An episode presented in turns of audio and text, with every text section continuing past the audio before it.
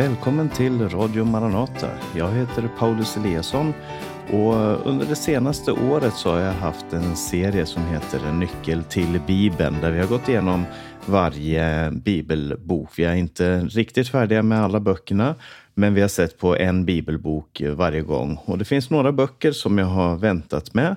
Det är några som återstår och några som jag också har väntat med för att jag har en väldig vördnad för dem och med viss fruktan och bävan som jag träder in i den här texten just därför att jag känner att jag inte behärskar den så väl som jag borde.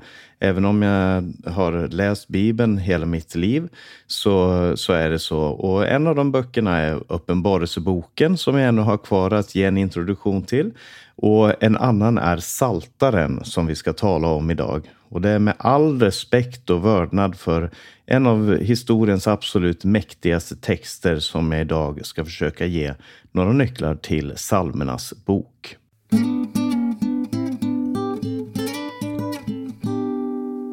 Saltaren innehåller 150 kapitel eller salmer. I alla andra böcker i Bibeln så står det kapitel 1, kapitel 2 och så vidare. Men i Saltaren så eh, namnges de med psalm 1, psalm 2 och så vidare. Och du hittar den här om du har en vanlig bibel med både gamla och nya testamentet. Om du slår upp i mitten på den så hamnar du antagligen i Saltaren. Det är ungefär där den är placerad.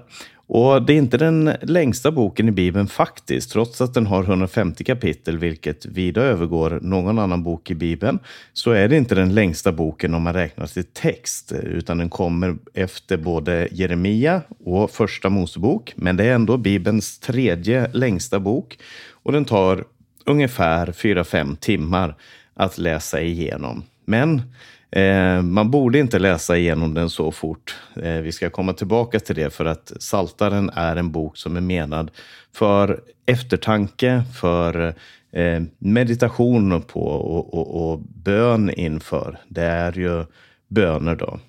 Och mm, Det ska nämnas också att olika biblar på olika språk har ofta olika indelningar av eh, Saltaren. Det finns en del ryska översättningar som har eh, en annan indelning av sal salmerna där man delar upp på ett annorlunda sätt och där man får ett annat antal, eller man får samma antal salmer men på vissa ställen så, så diffar det.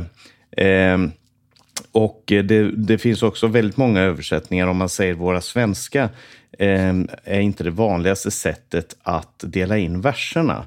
Eh, utan många delar in verserna, verserna annorlunda. Där den, det som är vers 1 i vår bibel, när det står till exempel en psalm av David till körmästaren, eh, så är det eh, en rubrik i eh, andra biblar och inte eh, vers 1. Och därför så, så diffar det i verserna. Och det kan vara värt att tänka på om man läser Bibeln på ett annat språk, att det kan vara lite annorlunda i psalmerna. Och när det gäller hur psalmerna är skrivna, psalm det betyder ju en sång eller en hymn. Och det är det som är genren här. Det är poesi och poesi som är menat att sjunga. Eh, och det var sånger som var menade bland annat för lovsången i templet, men inte bara för det. Eh, ibland så har man felaktigt sagt att Saltaren det var judarnas sångbok eller det var Israels eh, sångbok. Det var den sångboken som man hade. Det stämmer inte riktigt. För det första så, så ehm, eh, ja, det fanns sånger som blev sjungna i hemmen och i synagogen och man lärde sig gärna salmer som man sjöng. Men, man, eh, men eh, Framförallt så var det här texter som var menade att berätta om Gud. Det var poesi som berättar om Gud. Och Saltaren kallas ibland för Gamla testamentets teologi därför att den lär oss så mycket om Gud. Alltså i profeterna så finns den här kallelsen till gemenskap med Gud.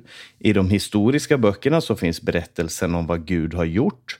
Men i salmerna och i de andra poetiska böckerna så finns det beskrivet hurdan Gud är, hur han tänker och vad som är hans plan och vilja. Och det möter man mycket i Saltaren. När det gäller författare och, och, eh, tidpunkt när det här är skrivet så vet vi att det är en lång process som har lett till att vi har den boken vi har idag. Vi vet att kung David anges som författare till 73 salmer och sen finns det flera salmer som är tillskrivna Asaf och Koras söner. Det finns även nämnt de, några som har färre som Heman, Etan, Salomo, Mose. Och sen så finns det ett flertal salmer som är anonyma, som inte har något namn knutet till sig. Och eh, vi vet att åtminstone en psalm nämner konkret fångenskapen i Babylon. Så om det här rör sig mellan Mose och fångenskapen i Babylon, som texten indikerar, så är det många hundra år mellan de första psalmerna, eh, mellan den första psalmen och den sista. Och eh, då kan man fråga sig, när, när sammanställdes det på det till att bli det som är vår psalmbok idag? Vad, var, när var saltaren saltaren så som vi har den? Och det, då måste vi antagligen eh, röra oss så sent som efter fångenskapen i Babylon, tiden då Israels folk, judarna, kom tillbaka till Jerusalem. Man återupprättade tjänsten i templet och det var under den tiden också som man började eh, sprida, läsa skriften på ett eh, annorlunda sätt. Eh, och sammanställningen, alltså det redaktionella arbetet, är viktigt. Det är inte bara så att man har tagit psalm efter psalm efter psalm och satt in dem eftersom de har kommit in. Utan när det här sammanställdes då eh, så, så visade det sig att saltaren är indelad i en speciell struktur. Bland annat kan du se om du slår upp i, i saltaren på olika ställen så står det andra boken, tredje boken, fjärde boken, femte boken. Därför att eh, Saltaren är indelad i, i fem olika delar, precis som de fem Moseböckerna. Och det är inte en slump att, de, att det finns fem Moseböcker och fem delar i eh, Saltaren. Och de sista fem salmerna de kallas för halleluja-salmerna som börjar och slutar med ordet halleluja, alltså prisa Herren. Och det, det, är heller inte en slump att de är placerade som de är eh, och att de salmerna kommer som de kommer. Men det finns många olika teorier om just vad det beror på, vad som var tanken hos redaktören som satte ihop det här, eller redaktörerna som satte ihop salmerna på det här sättet. Men det finns helt klart en struktur och en tanke i, inte bara i salmerna eh, själva, utan också vilka salmer som följer vilka. Och som sagt så, så, skrevs det här över en lång tid, men om den sammanställdes på, under efterbabylonisk tid, alltså då talar vi 400-talet, 300-talet före Kristus, så är det här sånger för det frigjorda folket. Alltså folket som eh, som såg tillbaka på sin fångenskap i Babylon, tillvaron i Babylon, som såg på de löften som Gud hade gett om en ny kung David och som funderade på betydelsen av Guds ord och undervisning. Det är det som är kontexten för saltaren. Det var, det var i den kontexten som den blev given. Men många av de här salmerna måste ju som enskilda salmer ha funnits också länge innan dess. Och det är just det här som är tematiken som tas upp då i psalmernas bok. Det är frågor som ställs som vem är Gud? Varför sker det så mycket ont med goda människor? När ska Gud gripa in i historien? När ska han sända sin son? Eh, Davids son som ska vara Messias. Vad betyder det att följa Guds undervisning? Alla de här frågeställningarna och också framför allt frågan vem är Gud? Hurdan är Gud? Vad, vad, vad för karaktär har han? Kan vi lita på honom? Är han trofast och så vidare? Eh, det här kommer tillbaka gång på gång i psalmernas bok. Och vi ska gå in i några av de här psalmerna och försöka ge lite flera nycklar.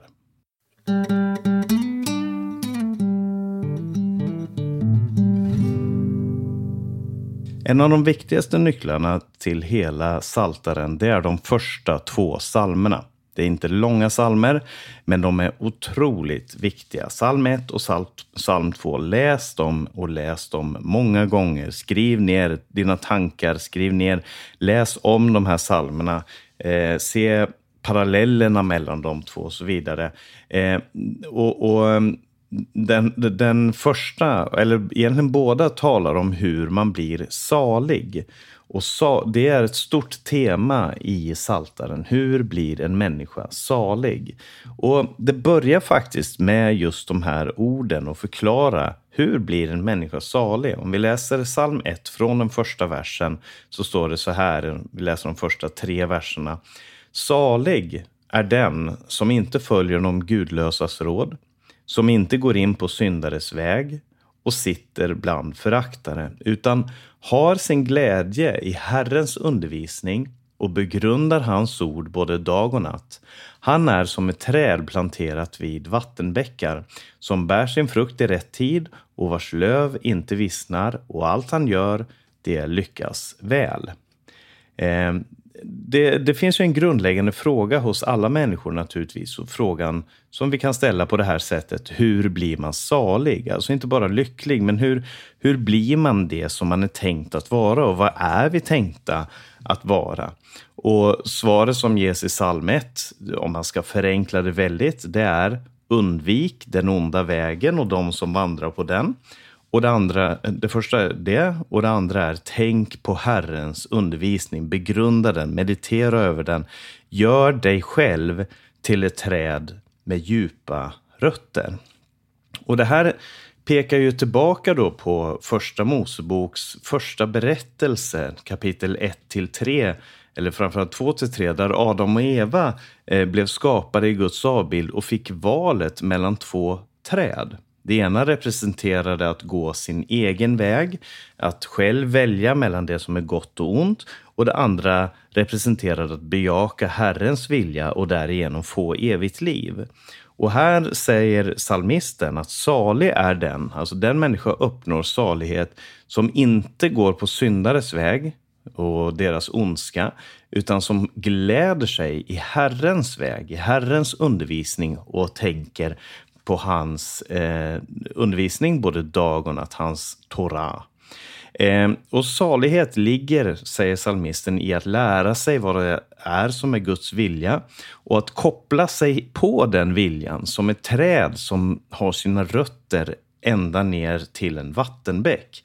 Alltså ett träd kan ju, kan ju ha svårt att få tag i näring, men om den har rötter som når till en vattenkälla, då växer den bra. Då är den inte rädd för tiderna som kommer. Då har den en, en källa att hämta sin näring ifrån. Och det är det som psalm e 1 berättar som Guds salighet. Jag tar det här väldigt snabbt och väldigt enkelt. Vi kunde ha gått mycket djupare in i den här texten naturligtvis. Men så kommer psalm 2 som tar upp ett annat tema som kommer tillbaka många gånger i eh, psalmernas bok. Och det är folken som rasar mot Herren och hans kung. Så här står det i de första tre verserna i psalm 2. Varför är hedna folken i uppror? Varför tänker folken tomma tankar?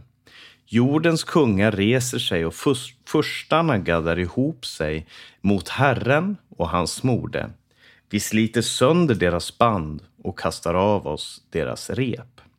Här står det om Herren och hans smorde, eller på hebreiska Meshiach, alltså Herren och hans Messias. Och det finns ett pågående uppror mot Gud som beskrivs ganska ingående i Saltaren. Där eh, människor, kungar, härskare, de som härskar på jorden, de, de reser sig upp mot Gud och hans tanke om hur han önskar att härska på jorden. Men mot det här så har Gud insatt sin egen son som kung över allt och alla. Och vem den här sonen är, det får vi inte veta förrän vi går in i Nya Testamentet som använder de här psalmerna, bland annat psalm 2, för att beskriva vem Jesus är och säger att han är den som är den utvalda av Gud. Han är Guds moder som jordens kungar reser sig upp emot. Men så står, avslutas psalm 2 med de här orden. Saliga är alla som flyr till honom. Och det är budskapet i, i psalm 1 och psalm 2. Hur blir man salig? Jo, det blir man genom att undgå syndares väg och ha sin glädje i Herrens undervisning. Eh, det är det första. Och det andra är ta sin tillflykt i Herren och i hans smorde. Så det handlar om förhållandet till ogudaktigheten i världen, förhållandet till Guds undervisning och förhållandet till Gud själv. Att ge honom sin hyllning och pris. Och det här är verkligen en nyckel till eh, Moseböcken, eh, till Saltaren menar jag.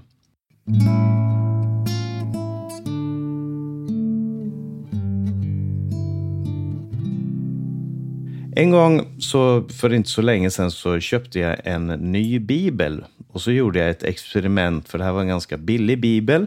Så jag var inte rädd för att eh, notera och markera i den. Eh, och det jag gjorde var att jag, jag läste Saltaren och markerade alla gånger i Saltaren som det talas om onda människor.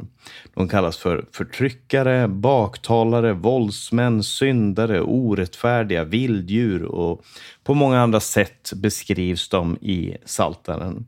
Och så markerade jag dem med en färg och med en annan färg så markerade jag alla gånger som det talas om de som tillhör Gud och de som litar på Gud.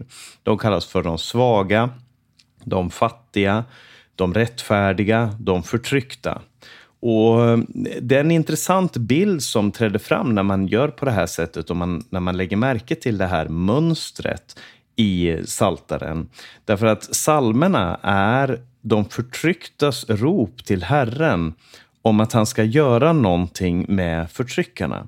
Det är slavar som ber om befrielse. Det är förtryckta människor som ser ondskan i världen och ropar till Gud. Eh, men det är också människor som ser det goda i världen och ropar till Gud. Det ska vi komma tillbaka till. Men just när det gäller den här tematiken mellan eh, våldsmännen, eh, förtryckarna, syndarna, de orättfärdiga, så, så når det ett slags klimax i psalm 22 som är en psalm av David, där David upplever att Gud har övergett honom. Det börjar med de här välkända orden Min Gud, min Gud, varför har du övergivit mig? Och så beskriver han i den här texten sina motståndare, de som går till attack mot honom, beskriver han som olika vilddjur. Om vi läser psalm 22 vers, från vers 13 till 17 så säger han så här. Tjurar i mängd omger mig. Barsans oxar omger, omringar mig. Som rovlystna rytande lejon spärrar de upp sitt gap mot mig. Jag rinner bort som vatten, alla mina leder har skilts åt. Mitt hjärta är som vax, det smälter i mitt inre.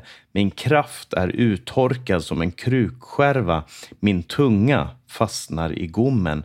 Du lägger mig i dödens stoft. Hundar omger mig. De ondas hop omringar mig. De har genomborrat mina händer och fötter.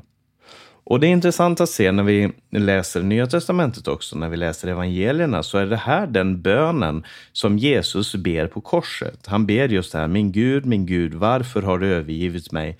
Som en slags indikation på vad är det som händer där på korset? Jo, han upplever det som står i psalm 22. Här står det ju, du har, de har genomborrat mina händer och fötter. Hade vi läst vidare så står det, de kastar lott om mina kläder och så vidare.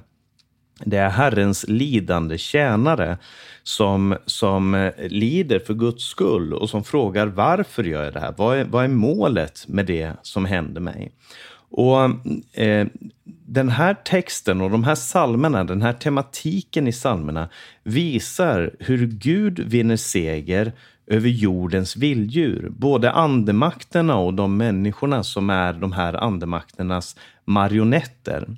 Så säger Bibeln att Gud vann seger genom att låta dem göra sitt värsta, låta dem eh, leva ut eh, på alla sätt och vis och sen vända allt det till en väldig seger. Och Det här är ett tema som kommer tillbaka gång på gång på gång i eh, Salmernas bok.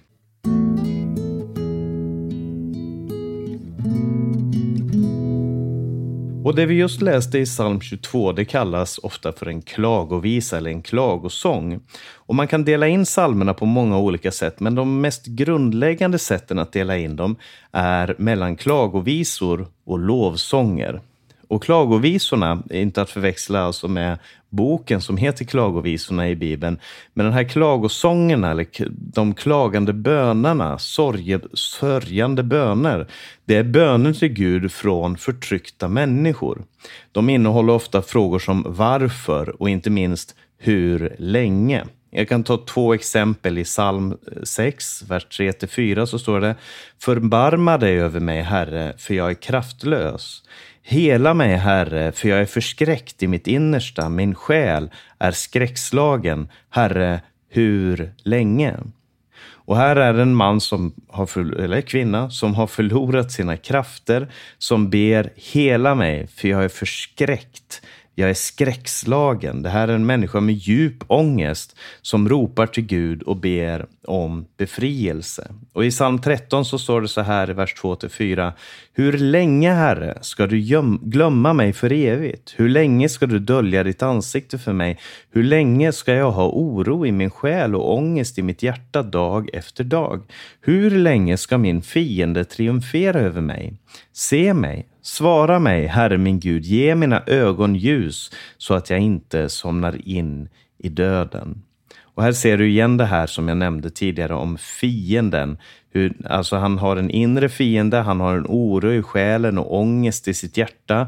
Eh, Bibeln är inte främmande för de här psykiska, andliga eh, ångesten som en människa kan uppleva. Men också det här min fiende som triumferar över mig. Menar han en, en eh, verklig fiende, en, en, en, eh, fysisk fiende eller menar han andligt? Det vet vi inte, men, men jag tror att man kan applicera det här på många olika situationer. Därför att klagovisorna ser på livets verklighet och ondskans närvaro och utgjuter sitt hjärta inför Gud. De är inte oärliga, utan de är krossande ärliga. Ibland så ger de inte ett, ens en strimma hopp. Inte ens ett “men Gud är god i alla fall”, för ibland så känns det inte så. Det känns inte som att Gud är god i alla situationer. Och när, när den här klagan och ångesten kommer över salmisten så uttrycker han det i ärlighet. Och även om saltaren är Guds ord, hela Bibeln är Guds ord, men Saltaren är också människors böner. Det är inte Gud som är talaren, utan det är människor som talar här med sina erfarenheter. Och om vi läser de här klagor, om vi skulle dela in nu eh, eh, saltaren i de här klagosångerna, så, så ser vi att de framför allt är i den tidiga delen av saltaren. Ju längre man kommer ut, desto mer dominerar en annan typ salmer, nämligen lovsångerna. Och lovsång, det kommer inte ur att man ignorerar sorgen och inte heller av att man inte har gjort de erfarenheterna som klagosångerna talar om. Utan lovsångerna, de kommer av att man ser på Gud och låter sig fascineras av honom. Och ett fantastiskt exempel på just det här är psalm 73 som börjar som en klagosång men slutar som en lovsång. Den börjar med att eh, salmisten klagar över människors ondska och att syndarna alltid verkar ha framgång. Och han blir otroligt störd av det här, ondskans gåta. Han blir så störd att han blir sjuk av det. Han klarar inte av att hitta någon lösning. Men så kommer han in i Guds närhet i den andra delen av salmen och han säger så här, men jag är alltid hos dig. Du håller mig i min högra hand, du leder mig med ditt råd och tar sedan emot mig med ära. Vem har jag i himlen utom dig? Och har jag dig söker jag intet på jorden. När min kropp och mitt hjärta ger upp är Gud mitt hjärtas klippa och min lott för evigt. Kroppen och hjärtat kan ge upp, men helt enkelt den som har sett Gud och kommit nära honom har en evig klippa. Och det är just det här som psalmerna talar om. Och, och, så det kan vara värt att när man läser saltaren att fråga sig själv, vad för slags psalm är det här? Är det en klagovisa som ser på livets grymheter och verklighet? Eller är det en lovsång som ser på Guds godhet och Guds verkligheten som finns i Gud? Och psalmernas bok är arrangerade så att de leder fram emot ett crescendo. Psalm 146 till 150, de fem sista psalmerna, är en genomgående uppmaning. De börjar och slutar, varje psalm börjar och slutar med det här, prisa Herren. och det är den samlade erfarenheten. Det är kontentan, det är det som psalmernas bok pekar fram emot. Vi är skapade för att lova Herren och för att glädja oss i honom. Eh, psalm 150, den sista salmen säger så här, jag ska läsa den i sin helhet. Halleluja!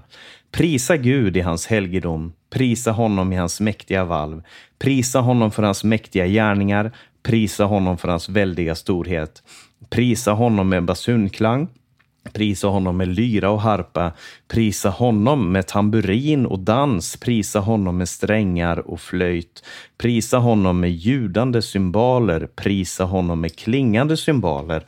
Allt som andas ska prisa Herren. Halleluja. Det här är eh, avslutningen, det är de sista orden i psalmens bok. Allt som andas ska prisa Herren.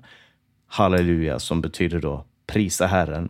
Och det här är det som allting leder fram till, att vi ska ta allt det vi är och har och med allt det som vi är som människor så ska vi ge vår lovsång till Gud. Vi ska prisa honom som är värdig. Och Det finns naturligtvis många, många fler teman i Psalmernas bok. Som sagt, det är en av Bibelns längsta böcker, väldigt varierande.